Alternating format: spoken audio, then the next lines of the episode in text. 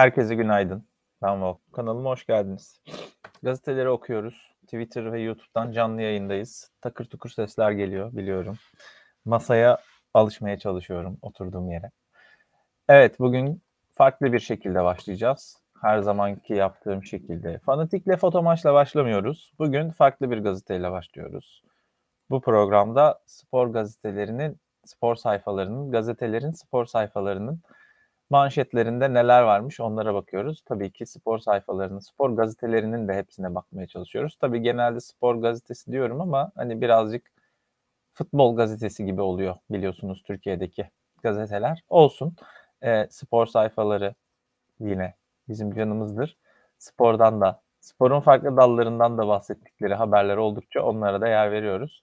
Ve evet artık hürriyetle bugün değil. Sabahla başlayalım. Çünkü fikstür çekildi. Sabahta güzel bir fikstür sayfası hazırlamış. Biz de o fikstür sayfasına şöyle bir bakalım birlikte. Avrupa ayarı diye de vermişler bunu. Avrupa ayarı yapıldı biliyorsunuz fikstüre. İşte Avrupa'daki maçlardan önce şu takımlar şunlarla oynamayacaklar vesaire gibi. 19 haftalık bir fikstürümüz var. 19 hafta çarpı 2 diyoruz ve 38 hafta sürecek bir lig izleyeceğiz bu senede. Ee, bir hafta takımlar bay geçecek. Ee, böyle de değişik bir sezonumuz olacak ama gazetelerin sayfalarında e, bazen böyle grafik çalışmalar görmek beni nostaljik hissettiriyor. Eskiden böyle fikstürler çok verilirdi. Fikstüre Avrupa ayarı diye e, sabahın yaptığı fikstür haberini şöyle aktarayım size. 19 takım 38 hafta mücadele edecek. Her hafta bir ekip bay geçecek. Dünya Kupası nedeniyle lige 13 Kasım'da ara veriliyor. İlk dev maç. Dördüncü haftada Trabzon'la Galatasaray arasında nedense hep Trabzon'la Galatasaray oynuyor son zamanlarda. Derbiler ya da Trabzon'la Galatasaray e, yakın haftalarda, ilk haftalarda böyle daha fazla e, karşılaşır oldu. Bu da dikkatimden kaçmıyor değil yani. Sırf benim değil muhtemelen birçok kişinin de dikkatini çekiyordur. Avrupa'da sahne alanlar o hafta ligde birbiriyle karşılaşmayacak. Yani tekrar e, yani çok ilginç gördüm bunu. Avrupa'da sahne alanlar o hafta ligde birbiriyle karşılaşmayacak. Şu anda bildiğim kadarıyla Avrupa'da oynaması kesin olan hani Eylül'den başlayıp aralığa kadar kesin bir Avrupa Kupası mücadelesi verecek olan bir takım yok Türkiye'de. Ee, geçen sezon Konya Spor'un Avrupa'da ne kadar süre ligde kalacağı belli değil. E, final oynayan e, Kayseri'nin ne kadar oynayacağı belli değil. Trabzonspor'un Avrupa'da ne kadar kalacağı belli değil. Yani Avrupa'ya göre bir ayar yapılıyor ama kulüpler ayağını Avrupa'ya göre, Avrupa'da oynamaya göre uzatmadığı için ben bu Avrupa ayarına gerçekten gözümle güldüm. E, gözümden yaşlar geldi gülerken öyle diyeyim. Gözle gülünecek bir e, çünkü ayar. Her neyse iyi niyetlerine e, verelim ve devam edelim. Yine deplasman yasağı kalktı şeklinde yine burada yine belirtilmiş. Rezervlik başlıyor. Birincilik fikstürü de bugün çekiliyor diye altına da not düşelim biz de aynı şekilde. Sabahın da not düştüğü gibi adil oyununa ulaşılan zaferde onur vardır demiş. Mehmet Büyükekşi acil çözüm bekleyen konuları sonuçlandırdık. Kurulları MHK'yi belirleyip kamuoyuyla paylaşacağız. Acil çözüm bekleyen konular bunlar. MHK'nin belirlenmesi, THK tahkimin THK diyorum tahkimin belirlenmesi ama demek ki acil konu onlar için. Onlar değilmiş. Lige değer katacak 150 ülkede izlenme oranına ulaşacak projeler üzerinde çalışıyoruz. Gerçekten merak ediyorum. Bu neymiş? Lige değer katacak olan şey fikstür çekiminden önce Göksel'in konser vermesi mi? Ya da Adana Demir maçından önce yine her zaman verdiğim örnek gibi Haluk Levent'in konser vermesi mi? Ankara gücü maçından önce çıkıp orada işte Ankara havası söyleyen bir sanatçının konser vermesi ligin değerini mi arttıracak? Ligin değerini nasıl arttıracaksınız? Ben hala merak ediyorum. Önce mesela zeminlerle ilgilenebilirsiniz.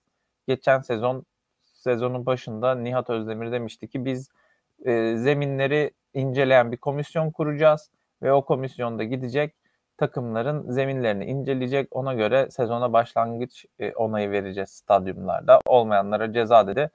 Maçın sezonun dördüncü, beşinci haftası mıydı? Neydi? Karagümrük maçında. Bu örneği de her zaman veriyorum. Karagümrük Beşiktaş deplasmanında Lucas Biglia koşarken pas alacakken sakatlandı. Zeminden kaynaklı ve ondan sonra da gol yedi mesela Karagümrük. Beşiktaş'ın zemininde stadında Vida'da koşarken sakatlandı. Hiç bunlara dikkat etmiyor. Acil çözülmesi gereken şeylerden bir tanesi bu. Sabah gazetesinden devam edeceğiz. Bugün biraz gazeteleri karışık bakıyoruz.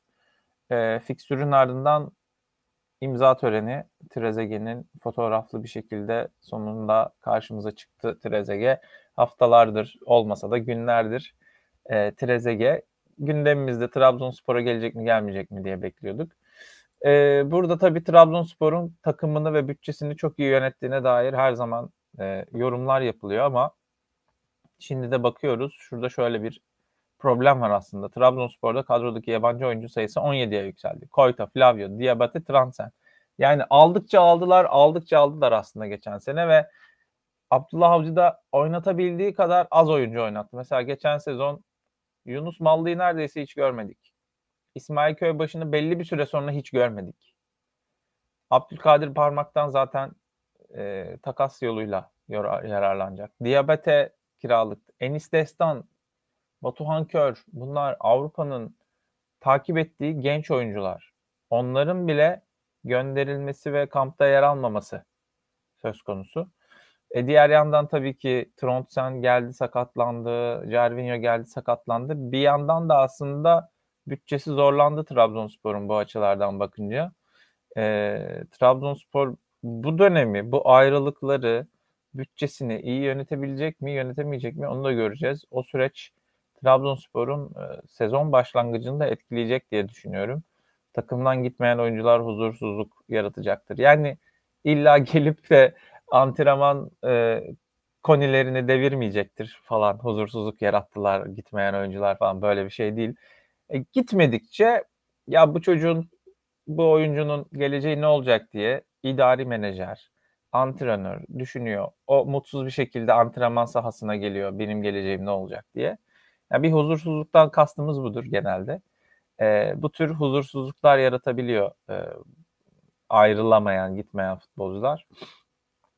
Trabzonspor'da e, buradan nasıl sıyrılacak göreceğiz. Sadece stoper alacağız demiş. Abdullah Avcı'nın e, istekleri sadece stoper yönünde. Abdullah Avcı'nın e, büyük düşünen, büyük düşünen derken karşısına gelen her takımı 4-0, 5-0, 4-0, 5-0, 4-0, 5-0, 4-1, 3-1, 4-2, 5-2 filan yenmek gibi bir büyük düşüncesi yok. 1-0, 1-1, 1-0, 1-1, 2 atarım 1 yerim, 2 atarım 1 yerim, 1-1'e de razıyım şeklinde giden bir hoca olduğu için önce stoper oluyor. Ee, parayı da buraya harcayacağını söylemiş.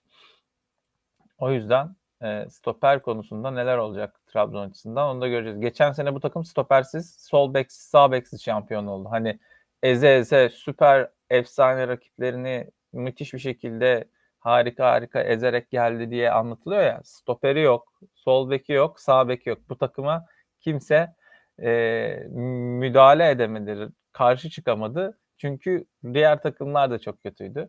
E, bu kötülük içinden şampiyon olmayı başardı Trabzonspor. E, onu da söylemek istedim. Beşiktaş'ta ve Korst'un sonunda atkılı ve üçlü çektirdiği ve yakından pençe fotoğrafı verdiği anı yakaladık. Avusturya kampına yetiştirmek istediği yıldız oyuncu dün gece İstanbul'a gelmiş. Weghorst bugün imzayı atıp takıma katılacakmış. Pazar gelecekti. Pazartesi salıya artık aksadı bu durum. Yıllık 2.7 milyon euro garanti ücret alacak. Yani işte hafta 10 aya bölsek aylık 270 bin e, euro ediyor. Haftalık 60 bin euro gibi 65 bin euro gibi bir para kazanacak Weghorst. Hayırlı uğurlu olsun. E, ben biraz fazla buluyorum 2,5 milyon euro gibi bir fiyatı Weghorst için. Ama Beşiktaş buna parayı harcayabileceğini söylüyorsa, düşünüyorsa evet olabilir. 2.1 vesaire yani 2.5'u geçmeseydi daha iyi olabilirdi ama e, Premier Lig'den kariyerinin son döneminde Hollanda milli takımının forvetini zorlayan, Dünya Kupası'na gitmek isteyen bir forvet alıyorsan ve dediğimiz gibi Cenk Tosun'un da benzettiği gibi Mario Gomez tadında bir forvet alıyorsan e, gözünü kapayacaksın belli bir yerden sonra. Umuyorum Beşiktaş maddi olarak e, bu transferinin karşılığını alır. Yani ben transferlere muhalefet eden bir insanım aslında. Beni biliyorsun, bil, bilen varsa. Yani ben Falcao'yu istemedim. Ben Drogba'yı da istemedim. Muhalefet ettim. Snyder'e de muhalefet ettim. Gerekirse ederim yani. Hiç sorun değil. İşte Drogba'yı niye istemedim? Bu çocuğu, bu adamı alırsak basketbol şubesine parası kalmayacak bu takımın veya önümüzdeki sezonlarda başka şubelere parası kalmayacak bu takımın dedik. E, ne oldu? Zaten o sezon basketbol şubesinde maddi problemler yaşandı. Falcao'yu alırsanız biz bu adamı oynatamayacağız. Zaten müzmin sakat. Zaten Galatasaray'ın da e, parası yok. Neden alıyorsunuz? Çöpe atıyorsunuz dedik. Çöpe gitti. Yani istemiyorsak istemediğimizi dile getiriyoruz parası yüzünden. Ve Kors da e, o seviyede bir oyuncu değil ama yani şimdi hem ne müzmin sakat hem ne e, aldığı parayı veremeyecek şekilde bir performans gösteriyor. O yüzden sözümüz e, farklı değil yani Weghorst e, bu parayı karşılar diye düşünüyorum. Muleka bitti. Muleka da Burnley'nin elinden kaptığı ikinci forvet oyuncusu olacak Beşiktaş'ın. Öyle gözüküyor. Beşiktaş haftalardır Cenk Tosun, Muleka ve Weghorst için uğraşıyordu. E, ikisini tamamladı. Üçüncüsünü de tamamlarsa herhalde Beşiktaş forveti e, konusunda yapacağı her şeyi yapmış olacak ve uzun süredir de uzun süredir değil belki ama Gomez'den beri Abu Bakar belki bunu birazcık telafi etti. Ama Gomez'den beri böyle yırtıcı e, vurdu mu ağları sarsacak gol forvet arayan Beşiktaş 3 tanesini birden getirerek en iyisini yapmış oldu. Larin'in yeni adresi de kulüp bürüş oldu. Öyle gözüküyor. 3 yıllık imzaladı. Fotoğrafı da çekmiş formayla. E, Larin sözleşmesi bittiği için kulüp bürüjde anlaştı. Larin'i geçen senenin 14 golü ardından Everton'a satıyorlardı 15-20 milyon euroya. Ben de gülüyordum arkadaşlar yapmayın. Bu adamın bu kadar piyasası yok. Bu adam e, ilginç bir sezon geçirdi. Direkt arkasında arka direkte durarak e, kalenin uzak köşesine seken topları tamamladı. Kafasını soktu, ayağını soktu. Zaten olay da oydu. Biz oraya ortayı açacağız. Sen orada bir yerde dur. E, kaval kemiğine çarpar, omzuna çarpar, kafana çarpar gol olur. Öyle oldu. Ee, sonra bunun da Larry'nin büyük yeteneği ve gol sezgisi olarak algılandığını izlediğimiz belli bir dönem geçirdik. Komediydi. Yani ben futboldan anladığımı düşünüyorum. Ee, Larry'nin Beşiktaş'a tabii ki gol atacak. Yani hani bu Beşiktaş'a yararlı olmaz. Ama 5 gol attı. Ya 5 gol atacak tabii Larry'nin. Yani Beşiktaş'ın forveti tabii ki 5 tane gol atsın. Ama ben hani 92 93 televizyonu açtığımda benim karşıma Metin Ali Feyyaz çıkıyordu. Benim karşıma bu gollü maçlar çıkıyordu Beşiktaş dediğinde. Ben onu diyorum yani Beşiktaş'ın forveti 5 tane gol atınca verim ve vermiyor arkadaşlar. 14 tane attığında da hani sıra dışı bir sezon yaşadığını 77 kere söylüyoruz. Dinlenmiyor. Bak ancak kulüp bürüce gider. Yani ancak kulüp bürüce gider dediğim şu. Tabii ki kulüp bürücün kulüp e, yapısı olarak, seviyesi olarak o açıdan Türkiye'den kat kat ileride olduğunu, ülkenin, ülke futbolunun kültürünün Türkiye'dekinden bambaşka olduğunu tabii ki biliyoruz. Bunlar başka şeyler. Ama yani gide gide Everton'a gidiyordu. Hani Everton kadar büyüktü işte ben onu diyorum büyütüyoruz gözümüzde bazı şeyleri. O yüzden göremiyoruz. Kendi gözümüzde böyle bu kadar büyüttüğümüzde bazen kendimizin sevdiği oyuncuları, takımları, insanları diğer taraftaki kısmı göremiyoruz. Ya da o, o insanın aslında bu kadar büyütülmeye gerek olmadığını göremiyoruz. Yani takımımız için bir şeyler yapsın tabii ama o kadar da kör olacak bir durum yok. Sultanlar gümüşte kaldı. A milli kadın voleybol takımı Akdeniz oyunlarının finalinde İtalya'ya mağlup oldu. İlkinin 15 sayısı şampiyonluk için yetmedi.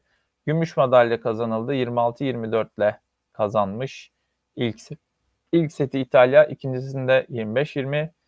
Üçüncü set 25-22 her ne kadar Türkiye kazanmış olsa da e, üçüncü pardon dördüncü son sette 25-22 ile yine İtalya kıran kırana geçen iki takımın da her sette 20'yi geçtiği maçta e, sahadan galibiyetle ayrılan İtalya olmuş. Gümüş madalya kazanan ve ilerleyen sezonlarda A takımda bir kısmını izleyeceğimiz, bir kısmını da üst düzey e, kulüp takımlarında başarını takip edeceğimiz kadın voleybol takımını tebrik ediyorum. Hepsinin ismini burada yazanları kadar ezberleyin. İlkin Aydın, Ayçin Akyol, Derya Cebecioğlu, Yasemin Yıldırım.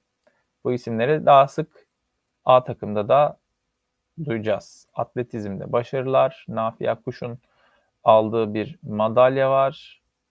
Tekvando'da 67 kilo finalde Fas'ta Fatima Ezahra'yı 5-0 yenmiş. Ömer Faruk Dayıoğlu ise 58 kilo yarı finalde Ömer Lakale yenilmiş ve turnuvayı bronzla tamamlamış. Nafi Akkuş da altın madalya kazanmış. Tebrik ediyoruz ve devam ediyoruz. Sabah gazetesinden 15 dakika oldu. Sabah gazetesindeyiz. Hala Fenerbahçe Santrafor'a kral hamle diye Joshua King'i istiyormuş. Dünden beri e, gündemde Joshua King'in ismi. Mali toplantısını yapan Fenerbahçe'de yönetimi kadroyu tutmak için rahat nefes aldı. Samat da takımda kalacakmış. Herhalde değerlendirecekler anlaşılan o. Ee, hemen tabii ki dünün önemli konusuna geçelim. Acun Ilıcalı Ahmet Ercanlara katılmıştı. Ahmet Ercanların programında e, Hull City olarak Fenerbahçe'den toplam 7,5 milyon euroluk alışveriş yaptıklarını söyledi. 7,5 milyon euro da e, kimler için verilmiş? Esas durum sanırım o. Allah yer Sayyed Maneş için ne kadar vermiş Acun? 4,5 milyon euro. Hem de bonservisinin yarısı için vermiş. Yani tüm bonservisi için de vermemiş bunu. 4,5 milyon euro ediyor mu Allah yer Sayyed Maneş? Ben önce bunu merak ediyorum. Ve %50'sini ne zaman alacağını merak ediyorum. Acun %50'sini aldığı bir forvetin geri kalan %50'sini almayacak mı? O %50'yi neden kafasına göre %50 olarak aldı? Onu da merak ediyorum. Ozan Tufan için 3 milyon euro etmez diyorlar. E, eder. O kadar da değil. Hani zaten hani bir şeyler verin de alın der gibi. Hani 3 milyon euroya ben e, futbola bağlı olacağını e, yemin eden o ba- futbol bağlılığı yemin eden bir Ozan Tufan'a veririm. Ama öyle bir Ozan Tufan yok galiba. Esas problem şu. Yani Fenerbahçe'den 7,5 milyon euroluk transfer yapılmış olması Fenerbahçe'ye 7,5 milyon euroluk transfer yapabileceği gibi bir alan açıyor. Ee, her nedense de Fenerbahçe'nin transferleri e, gerçekleşmediği sırada Hull City'den çeşitli transferler yapılıyor ve daha devamında Fenerbahçe e, transfer yapabiliyor, yapmaya tekrar başlayabiliyor. Yani iki takım arasındaki bu kardeşçe ilişki çok rahatsız edici değil. Fakat bu birliği, bu sevgiyi, bu duyguyu farklı bir e, şekilde istismar ediyorlar diye söyleyebiliriz. Futbol dünyasında bunun böyle bir istismar durumu var. Haksız rekabet bir yandan da. E, tabii ki Ozan Tufan Acun Ilıcalı istedi diye tabii ki Hull City'ye transfer olabilir. İstediği takıma transfer olabilir Allah yer Seyit Meneş ama pazarın dışında fiyatları öneriyor. Özellikle Allah yer için. Allah yeri hala göremedik. Allah yer Allah var. Bir ismi var yani. Sadece oradan aklımızda kalıyor. Yılda bir bir tane şut, bir tane gol videosu görebiliyoruz kendisinden. Bu oyuncu nasıl 4,5 milyon euro ediyor? Bunu neye göre fiyatlandırdınız? Ben bunu merak ediyorum. Bu fiyatlandırmalar zaten aslında haksız rekabeti yaratan şey. Çünkü zaten haksız rekabet edilerek elde edilen sermayeler var ortada. Bir de bunu haksız bir şekilde kendi aranda istediğin gibi dağıtıyorsun, paylaşıyorsun, kullanıyorsun. futbol piyasası denetleme kurulu, serbest piyasa denetleme kurulu varsa e, bunun denetlenmesi gerektiğini ben düşünüyorum. Bunun şeyden hiç farkı yok. Ad manager yapıp Allah yer Sayet Meneş'e 4,5 milyon euro Hull City'ye satıp Ozan Tufan'ı da 3 milyon euroya ad manager yapıp satmanın bir bilgisayar oyununda yapmakla Acun Ilıcalı'nın şu anda Hull City'den Fenerbahçe oyuncularını almasının hiçbir farkı yok. Hiçbir farkı yok. Aynı düşünce, aynı e, pratik. Teorik açıdan farklı belki. Teori olarak aynı, özür dilerim. Pratik açıdan biraz farklı. Ama teorik açıdan tamamen aynı. E, ilginç buluyorum. Kimse de hiçbir şey demiyor. E, evet Galatasaraylılar mesela e, dün Galatasaraylı Haluk Yürekli. Galatasaray için böyle bir şey olsaydı neler olurdu? İşte bir tane oyuncuyu hülle yaptı da kendisine kattı. Sergen'i galiba o dönem hülle yöntemiyle mi de transfer etmişti Galatasaray. Ya da başka bir takım. O bile büyük laf olmuştu. Şimdi Hülle City'den 7,5 milyon euroluk transfer yapılıyor durduk yere. E, kimse de hiçbir şey demiyor. Fenerbahçe'nin bir diğer pusuya yattığı oyuncu da Mert Müldür'müş. 5 milyon euro önerilmiş. 8 milyon euro istenen Mert için. Yani Mert Müldür bakın milli futbolcu. İtalya'da oynuyor. Uzun süreler forma giyiyor İtalya'da. Roma'da da yok o Mert Çetin'di. E, bir sürü oyun o takım da istiyor. Birçok önemli maça da çıktı. E, Mert Müldür bugüne kadar 120'den fazla maça çıkmış. Golleri, asistleri var. Sadece 8 milyon euro isteniyor. Allah yer Sayed Maneş için 4,5 milyon euro veriliyor. Muhtemelen Mert Müldür'den yaşlı bildiğim kadarıyla Mert Müldür'den daha az maçı çıkmış ve bir forvet olarak Mert Müldür'den eminim daha az asisti var. Ama 4,5 milyon euro diyor. Bu bu doğru değil. Yani burada bir sıkıntı var. Ee, içi rahat eden etsin. Ama e, dediğim gibi rakip takımlarda böyle bir şey yaptığında siz de ses çıkarmayın. Bizde Acun yapıyor bunu dersiniz. Sizde de vardır. İşte atıyorum Galatasaraylı ünlü şu an aklıma geliyor. O kadar parası var mı? İşte Trabzon'da Nevzat Aydın yapıyor. Yemek sepetini satıyor. 2 milyon euroyu oraya koyuyor. Trabzonspor'a feda olsun diyor.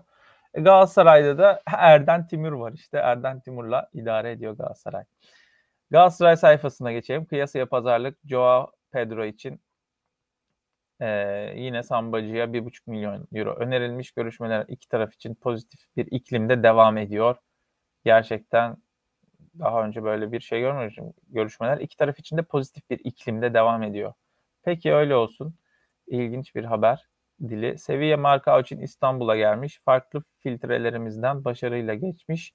Aklımızdaki profile tam uyan bir stoper demiş Monchi.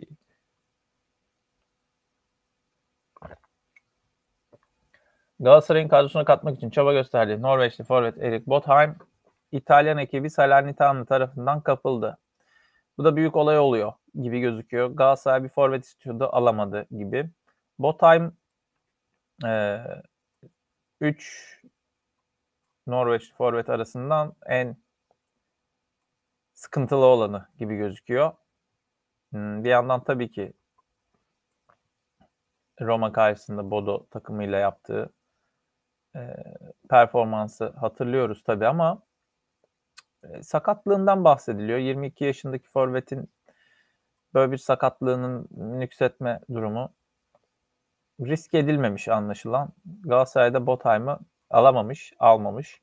Yani alamamış da olabilir, almamış da olabilir. Çünkü elinde daha 3 tane forvet var ve onları çıkarması lazım.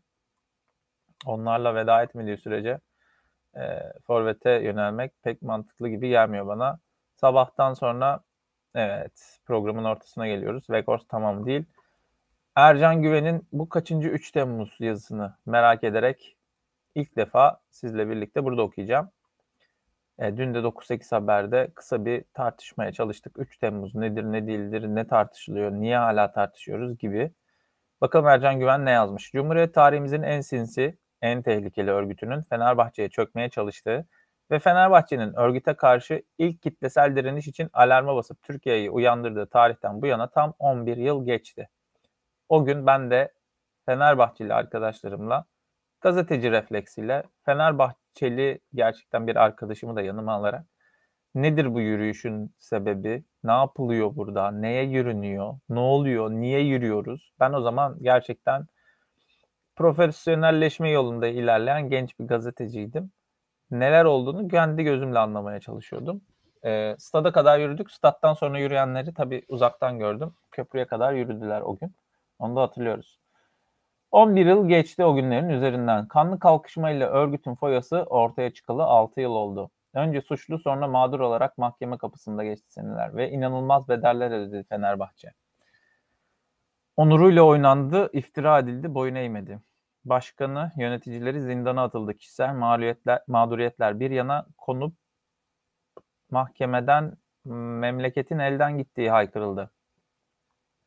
Kupası elinden alınıp ikinciye verilmeye çalışılarak futbola nifak tohumları ekildi. Bölücülüğün şahikası örgüt tarafından Avrupa'ya çıkması yasaklandı ki maddi bakımdan çöksün ve kolay teslim olsun. İşe yaramadı. Fenerbahçe'yi vurmaya çalışan örgüt kendi bacağını sıktı sonunda. Evet, Fenerbahçe hukuken aklanalı henüz 8 ay oldu ama 6 yıldır her şey apıçık ortadaydı. Yani Aralık 2021'deki Yargıtay kararı malumun ilanı. Peki niye bir türlü bulaşmıyor büyük hesaplaşma? Başlamıyor büyük hesaplaşma.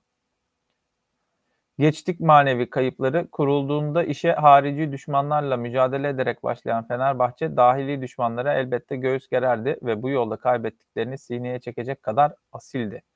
Lakin devletin polis üniformasını devletin savcı hakim cübbesini giymiş örgüt üyelerinin kurduğu kumpas yüzünden kaybettiği servetin tazmin edilme talebi anasının ak sütü gibi helaldi. Açıkça yazalım 3 Temmuz vakası aradan yıllar geçip hukuken aklandığı andan itibaren kumpasa çanak tutanlara ekranda ağzının payını vermek veya özel programlarda mağduriyetin altı çizmek aşamasını çoktan geride bırakmış hesaplaşma vakti çoktan gelip çatmıştı aslında. Tam zamanıydı. Seçime en çok 11 ay kalmışken hangi siyaset Fenerbahçe kimlikli mağdur milyonları hoşnut edecek bir helalleşmeyi sahiplenmezdi ki? Tam bu sırada Kumpas'ın 11. seneyi devriyesinde bugün biz burada her bir değerimizle dimdik duruyoruz gibi bir durum tespiti yapan Fenerbahçe Başkanı haklılığımızla susuyoruz ve şimdi konuşması hesap vermesi gerekenleri bekliyoruz. Sözleriyle ne demek istiyordu acaba? Neydi beklenen? Ben söyleyeyim. Birincisi Fenerbahçe taraftarının 3 Temmuz 2011'deki gibi konsolide ve motive olmadığı hatta 8 yıllık şampiyonluk hazreti yüzünden kulübe sevgisini yitirmese de ilgisinin azaldığı ortada. Şampiyon bir Fenerbahçe'nin arkasındaki milyonlarla taleplerini ortaya koyması başka, hala transferlerle avunan Fenerbahçe'nin başka. Hesaplaşmanın sürekli ertelenme sebeplerinden ilki beklenen muhtemel şampiyonluk olmalı. İkincisi ve daha önemlisi Aziz Yıldırım'la aradaki köprülerin yıkılmış, gemilerin yakılmış olması. Kumpas'ın kurumsal mağduru Fenerbahçe'dir ama sembolü Aziz Yıldırım'dır. Eski başkan adeta öznesidir 3 Temmuz'un. Gözü kara direnişiyle hak etmiştir bu ünvanı. Konu hesaplaşma ise hesaplaşmak isteyen Fenerbahçe'nin önünde olmasa da yanında olmalıdır Aziz Yıldırım. Ama ne mümkün aynı hedef odaklı rekabet edenlerin birbirlerini düşman yerine koyması sadece onlara değil hizmet için rekabet ettikleri hedeflerine de zarar veriyor günün sonunda. Şampiyonluk ve motivasyon yokken 3 Temmuz'un öznesi de sürgünde ise geriye anlamlı konuşmalar, nutuklar ve beklemek kalıyor kaçınılmaz olarak. Ee, Ercan Güven yazısında belli bir yere kadar 3 Temmuz'un nedir, ne değildir, nasıl yaklaşılması gerekiyordur. Bugünkü konjonktürde özellikle bahsetmiş. Sonra da Fenerbahçe'ye bir reçete sunmuş. Bununla hesaplaşmak istiyorsan önce kendi içinde Aziz Yıldırım'la da bir barışacaksın demiş. Ee, ilginç bir yaklaşım Ercan Güven'inki. Aslında 3 Temmuz'un o gün neydi, bugün ne olduğunu ortaya koyuyor. Serdar Sarıdağ imzalı Beşiktaş haberine geçelim. Vekors'un fotoğrafıyla Vekors tamam şeklinde verilmiş. Burnley İngiliz kulübü ara transfer döneminde 17,5 milyon euro karşılığında Wolfsburg'tan transfer etti. Kartal Vekors'la Burnley arasındaki özel anlaşma gereği Premier Lig'den düşen İngiliz kulübüne kiralama bedeli ödemeyecek. Siyah beyazlar Hollandalı Yıldız'a 2.8 milyon euro garanti ücret verecek. Satın alma opsiyonu da yok. Beşiktaş sezon sonuna kadar ücretsiz olarak kiraladı. Muleka'da yolda herhalde Muleka ve Korst ve Cenk Tosun forveti yetiyor. Beşiktaş'a öyle gözüküyor. 3-4-3'ün tek forveti Hmm, belki sağdan soldan Moleka, Gezzal, Cenk Tosun olacak gibi gözüküyor. Jesus'un Avrupa hedefi olarak da Fenerbahçe sayfası gözükmüş. Portekizli çalıştırıcı takımı Avrupa standartlarına çıkarmayı hedefliyor. Zaten bunun için getirdik bu adamı. Milliyet'ten bir diğer sayfa. Neymar'la birlikte büyümüş Joao Pedro. Hemen Neymar'la fotoğrafı bulunmuş. Brezilya genç milli takımlarında birlikte top koşturmuşlar. Milli takım seyahatlerinde yan yanalarmış. 14 yaşından 17 yaşına kadar 3 sene birliktelermiş. 20 yaşında da Santos kulübünde tekrar bir araya gelmişler. Oscar, Lucas Moura, Danilo, Filip Coutinho, Casemiro Brezilya genç takımında birlikte oynadığı diğer isimler olarak yer alıyor Joao Pedro'nun. Joao Pedro evet kötü bir oyuncu değil. 6 aylık bir doping cezası almış. 2018'de vücudunda kandaki su ve tuzların atılımını sağlayan ve WADA tarafından yasaklı hidroklorotiaze maddesini kullanmış. Sassuolo maçından sonra kendisinden alınan örnekte rastlanılan yasaklı madde nedeniyle 6 ay men cezasını çarptırılmış. Sağlık ekibinin hatasıyla farkında olmadan aldığı savunmasını yapmış. 4 yıl men cezası talep edilmiş ama 6 ayla kurtarmış. Onur Dinçer imzalı bir Joa Pedro analizi. Anlık yaşıyor şeklinde bir ara başlık yapmış Onur arkadaşım. Kendi ifadesiyle İtalya'da futbolun taktik bilgisine yönelik çok şey öğrenmiş. Zidenek Zeman'dan hücum futboluna yönelik incelikleri, Zola'dan da İngiliz futbolunun modern biçimini öğrendiğini söylüyormuş. Joao Pedro liderlik özelliklerinden dolayı kaptanlık pazabandını Cagliari'de vermişler kendisine. 30 yaşında olmasına rağmen hala kendini geliştirmek için çalışıyor. Sardunya adasındaki evinde gecenin bir bölümünde fitness evinin bir bölümünü fitness salonuna çevirmiş. Gelecekle ilgili planları kendisine sorulduğunda anı yaşıyorum, yarını düşünmüyorum. Benim için sadece bugün var demiş. Botheim Salernitana'ya gidiyor. Onu az evvel söyledik. Galatasaray'ın da tekrar burada e, hazırlık maçı fikstürünü verelim. Sturm Graz 9 Temmuz, 13 Temmuz Feher var. 16 Temmuz Sigma Olomouc, 19 Temmuz Paradobice takımlarıyla hazırlık karşılaşmaları yapacak. Milliyet'in e, üst manşetinde de Trabzon sayfası, Trabzon haberleri gözüküyor. Hürriyete geçiyoruz. Markao için kıran kırana pazarlık Sevilla geliyormuş. 8,5 milyon euro artı bon, bon servis artı 1,5 milyon euro bonus. Zenit ise 12 milyon euro önermiş. İspanyol ekiple bugün görüşeceklermiş. 15 milyon euro istiyor Galatasaray. Sevilla ise 10 maksimum diyor. Daha fazlasına çıkamıyor.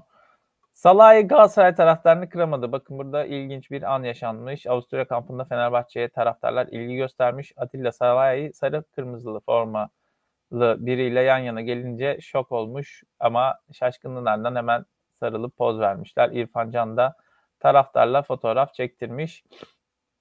O orada dört mü yapmış ne yapmış bilmiyorum. Dört yıldız falan mı göstermeye çalışıyor ne yapıyor? Rabia mı yapıyor anlamadım ama neden 4 yapmış o çocuk? O da trollemiş galiba Fenerbahçelileri. Sakat 4 oyuncu Kiev'le dönüyor. Crespo, Gustavo, Serdar Aziz ve Mert Hakan Kiev maçında sahaya çıkabilecek seviyede olacaklarmış anlaşılan o. Bugün ayrıca az evvel Galatasaray'ın da karşılaşacağını söylediğimiz Fenerbahçe, Molfeher var. Fenerbahçe ile karşılaşacak. Bugün 19.30'da S Sport canlı yayınlıyormuş. Fenerbahçe'nin belki bugünkü bu hazırlık maçını ben de takip edebilirim. Fena da olmaz. Uzun süredir hazırlık maçı izlemiyordum. Trezeguet Aston Villa 4 milyon euroya ikna edilince 4 milyon euroluk bonservis bedeliyle Trabzonspor'a geldi. 4 taksitte ödenecek. Bunu 6 ayda mı ödeyecekler? Senede bir mi ödeyecekler? Onu da göreceğiz. İlginç bir transfer e, işlemi. 4 milyon euro Trabzonspor'un direkt vermiş olması enteresan. E, Trezeguet hayırlı olsun. Ben iyi bir transfer olacağını düşün, olduğunu düşünüyorum. Canlar yakar. Weghorst haberleri yine. Hürriyet'in ana sayfasını e, kaplamış durumda. Çağrı yapıldı. Çağrı yapılmaz taraftarlara. Çağrı yapılır. Taraftar çağrı yapılır. Evet evet. Ça çağrılır. Çağrıda bulunulmaz. Çağrı yapılır. E, bu aralar bu konuda çok fazla takık bir şekilde geziyorum. Obsesif obsesif. Olsun. Gördükçe hatırlatmakta yarar var diye düşünüyorum. Antalya Spor'da Ruud Boffen, Fernando Martins ve Güray Vural'la sözleşmeler yenilendi. Hacı Wright ise henüz belli değil. Hacı Wright'ın adı Trabzon'la alınıyor. Galatasaray'la da anılıyor. Ee, Galatasaray forvet gönderirse onu alır mı göreceğiz. Muhammed Demir de bu arada Gaziantep'ten Konya'ya geçti. İyi bir transfer olduğunu düşünüyorum Muhammed Demir adına. Umuyorum e, Avrupa elemeleri mücadelelerinde iyi bir performans verir Konya Spor adına.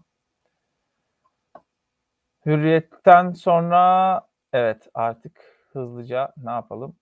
İlk sayfalarımıza gelelim. Akşam Akşam gazetesinde voleybolcu kadın milli takımlarım kadın milli takımımız voleybolcular manşete çıkarılmış. Onu söylemiştik. E, dün Formula'da sert bir kaza yaşanmıştı. Büyük Britanya Grand Prix'sinde startta yaşanan Zu e, kazada Zu e, ters dönmüştü arabası ve bayağı sert bir e, kaza geçirmişti ve sürüklenmişti. Halo hayatımı kurtardı. O kafanın üzerindeki e, bölge. Güvenliği geliştirmek için adını adım attığımız e, her adımın gerçek ve değerli sonuçları olduğunu gösteriyor. Halo'nun olması. Halo diyoruz işte Halo. Aslında İsa'nın kafasının üzerinde böyle bir hare var ya aslında Halo o hare. E, ters döndüğünde araçlar o kafa kısmını korusun, sıkıştırmasın, çarpmasın. E, kafadan darbeleri uzak tutmaya yarayan bir şey. E, araba ters dönünce de Halo'nun onu kurtarması gayet normal olmuş gibi söyleyebiliriz. Marsilya Tudor'la imzaladı. Cengiz Ünder Tudor'la e, çalışmış olacak. Lökip'ten e, geçen günlerde bana bir mesaj geldi. Tudor hakkında ne düşünüyorsun diye. Bol farklı skorlu maçlara hazır olun. Derbi kazanamazsanız da üzülmeyin. Galatasaray'da da kazanamamıştı. Sonunu getiren şey bu oldu demiştim. Bakalım Lökip'teki bu yorumum ne kadar doğru çıkacak. Ben de bu sezon Marsilya'nın Saint Etienne, işte Lyon büyük maçlarını işte Paris Saint Germain'i belki yenemezler ama e, işte Lille falan böyle büyük maçlarını takip ediyor olacağım. Demişken yine bir e, Fransız e, futbolcunun Galatasaray'a transfer ihtimali yine manşette. 2019-20 sezonu başında Tottenham'a 60 milyon euro karşılığında transfer olan bir oyuncudan bahsediyoruz. Tengi Endombele. Galatasaray'ın orta saha adayları arasındaymış. İngiliz ekibi kiralama formülü üzerinden görüşmeleri sürdürüyormuş. Hiç zannetmiyorum olacağını. Akşam gazetesi yazmış gene. Yani imza var mı? Bakıyoruz. Akşam gazetesinde imzasız Galatasaray haberleri. E, Galatasaray muhabiri ya bugün tatildeydi ya da e, Toplamışlar yani sağdan soldan haberleri. İnandırıcı durmuyor bu bana. Ben imza göremiyorum. Siz görüyor musunuz? Benim transfer haberlerinde gazetedeyse özellikle altında imza yoksa hiç inanmam. Hiç inanmam. Yani Weghorst, Muleka, Cenk Tosun haftalardır yazılıyor mesela. Ama her zaman da imza olduğu sayfalarda yer almıştı. Mesela Buradaki haberler Mariano Diaz haftalardır çıkıyor. İmza yok. William Arao gemileri yaktı. Carvalho Sefi. William Arao da oturmuş evde yeni türkü dinliyor. Yaktım gemileri dönüş yok artık geri tak etti canıma diye.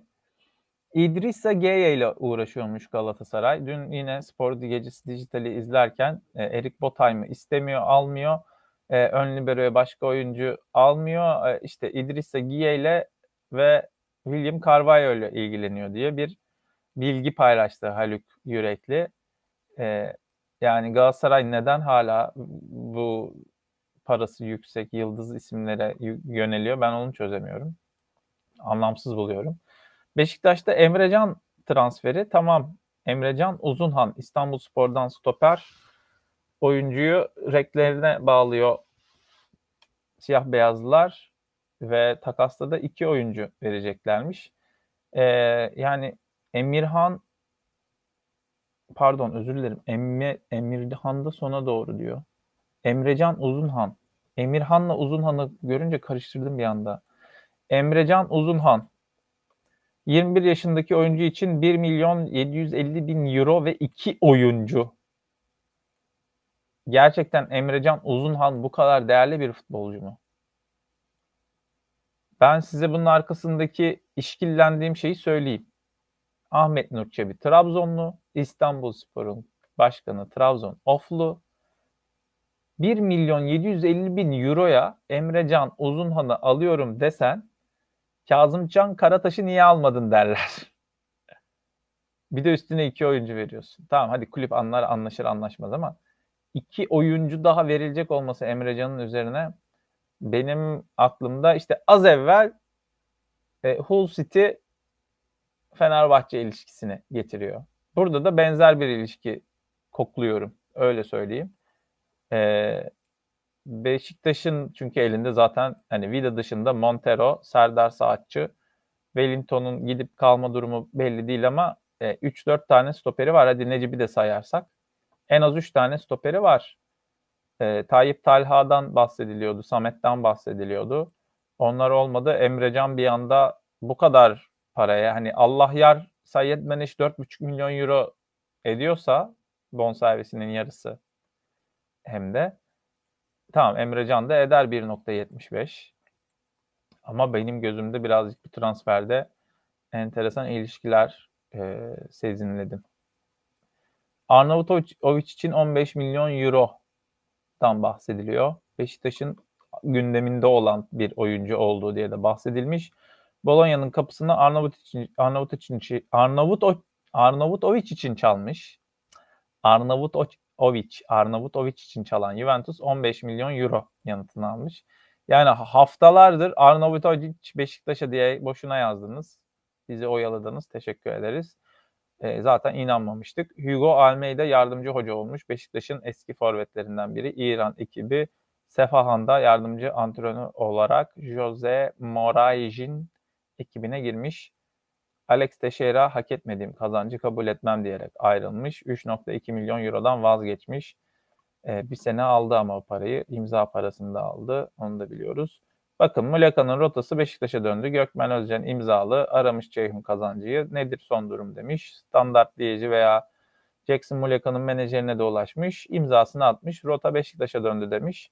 Ha, bundan sonrasını deriz ki evet Beşiktaş böyle bir transfer peşinde. Ha, yanlış olursa Gökmen Özcan hatalı bilgi verdi deriz. Yine bir Fenerbahçe sayfası bakın yine burada az evvel dediğim gibi yani William Arao yani burada e, editör isminin yazması çok önemli değil. Bu sayfayı editleyen, düzenleyen kişinin adı o. Burada Gökmen Özcan'ın imzasını attığı gibi Fenerbahçe muhabirinin de fanatikten çıkıp böyle bir imza atması lazım. Yusuf Dursun bak. Yusuf Dursun Graz'da kampı değerlendirmiş. Buna okurum. Yusuf abi, Yusuf Bey sevgiler saygılar fotoğraf makinesiyle telekamle fotoğrafını da vermiş. Komando eğitimiyle kader kampı. 29 kişilik kadro kader kampında dediği herkesin geleceği belli olacak.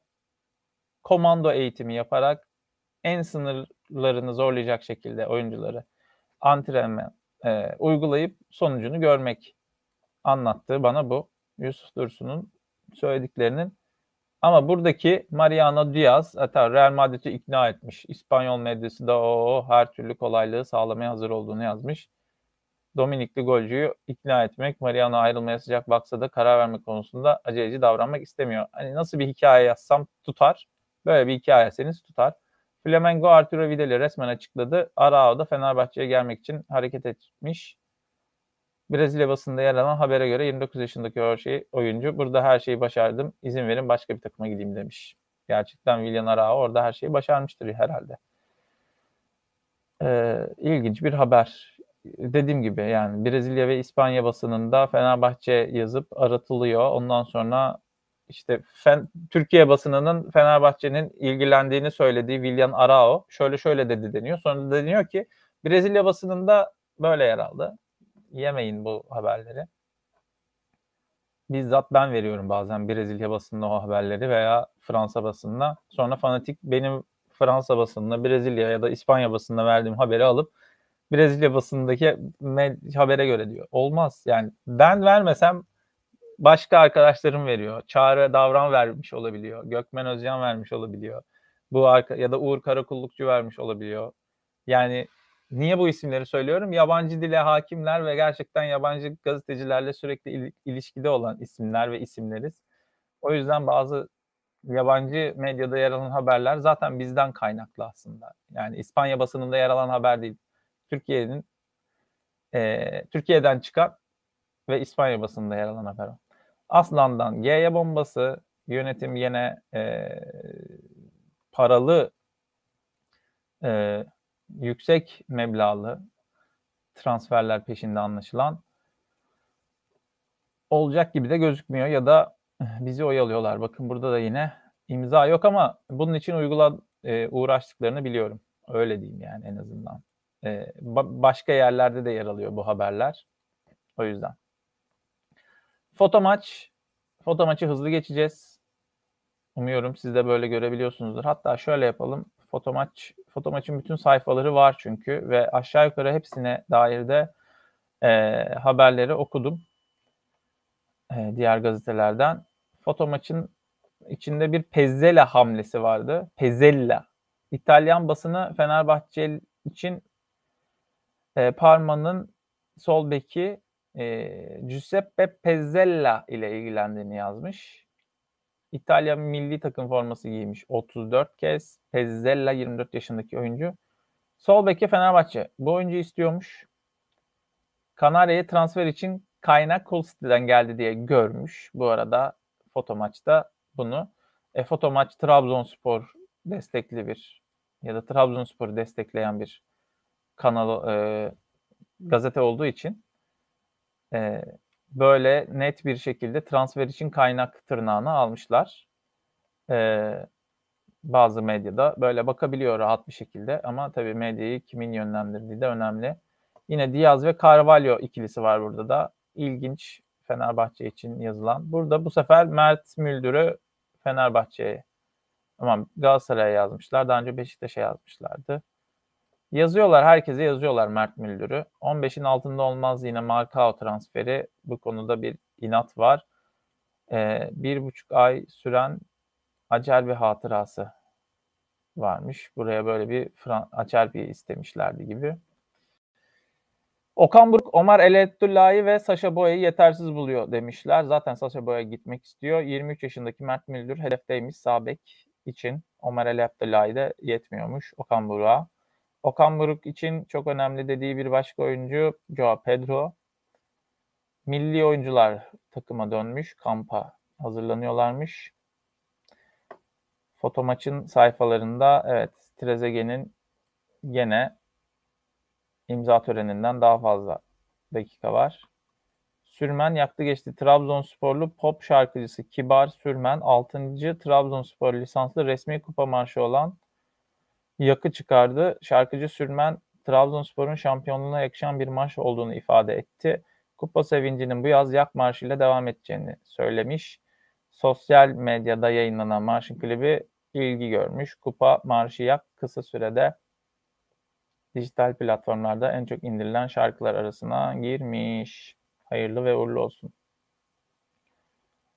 Hayırlı uğurlu olsun. Biz de takip edeceğiz bu şarkıyı. Merak ediyorum. Kulüpler için şarkı yapılan şarkılar benim ilgi alanımda.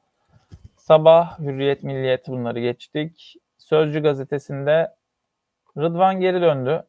Rıdvan hakkında transfer e, süreçleri Arap saçına döndü diyebiliriz klişeyle. Frankfurt'ta imza atması bekleniyordu. Ancak sanırım Alman takımın e, oyuncunun ödemesini taksitle yapmak istemesi üzerine anlaşma problemi yaşandı. Ahmet Nur Çebi de prensip anlaşmasında olduğu gibi bonservis ödemesinin peşin olması gerektiğini iletti. Bunun üzerine temaslar durdu. Ahmet Nur Çebi biraz da futbolcunun gitmesini engelliyor gibi gözüküyor ama bu süreçte Rıdvan eğer Beşiktaş'a geri gelecekse Beşiktaş'ın e, bu sezonunda takıma nasıl katkı verecek? Bu açıdan da e, oyuncuyu da düşünmek lazım.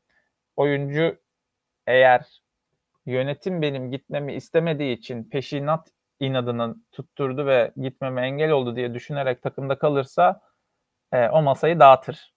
Huzursuzluk yaratılır, yara, yaşanır. İstemese de yara, yara, yaşanır yani. Ama e, Rıdvan'la birlikte bu süreçte seni daha iyi bir takıma göndereceğiz. Sen bu takımda kal. Çok büyük bir para değil sözleşmeye şöyle bir işte 8 şu andaki konuşulan para 12'ye vesaire anlaşalım. 12 ile çıkma bedelin olsun. 12'nin de 6'sını nakit alalım gibi pazarlık e, yaparak Rıdvan belki ikna edilebilir. Önümüzdeki sezonda da motive edilebilir. Benim için önemli olan Rıdvan'ın kalması gitmesi değil, motivasyonu kaldıktan sonra motivasyonu düşüp işte Ferhat Öztorun gibi bence yetenekliydi. Düşüş eğrisi gösteren bir oyuncu mu olacak? Yoksa e, motivasyonu toparlayıp devam edebilecek mi? Bunu göreceğiz. Sözcü gazetesinde de Isco ve Joao Pedro öne çıkmış Galatasaray için. Bekleniyor Isco ismi de aylardır yazılıyor. Joao Pedro da aynen e, ismi yazılan bir diğer oyuncu. Aynı şekilde Takvim Gazetesi'nde de son sayfada Joao Pedro seferberliği ve Cimbom'da Mustafa Muhammed krizi diye de bahsediliyor. Dursun Özbek Muhammed'in bonservisini ödemek istemiş.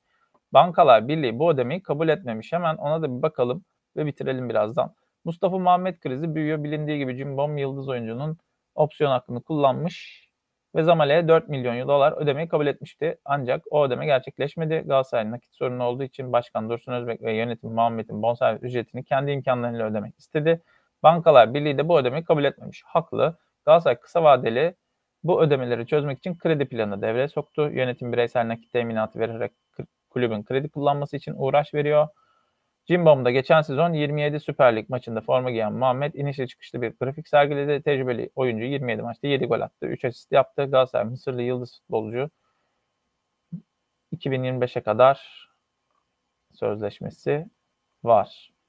Mustafa Muhammed durumu da e, aslında tartışmalı bir süreç olarak Galatasaray'ın gündemini meşgul ediyor. Galatasaray yönetimi e, bütçe bulmakta, oyuncu kendisine katmakta zorluk çekiyor.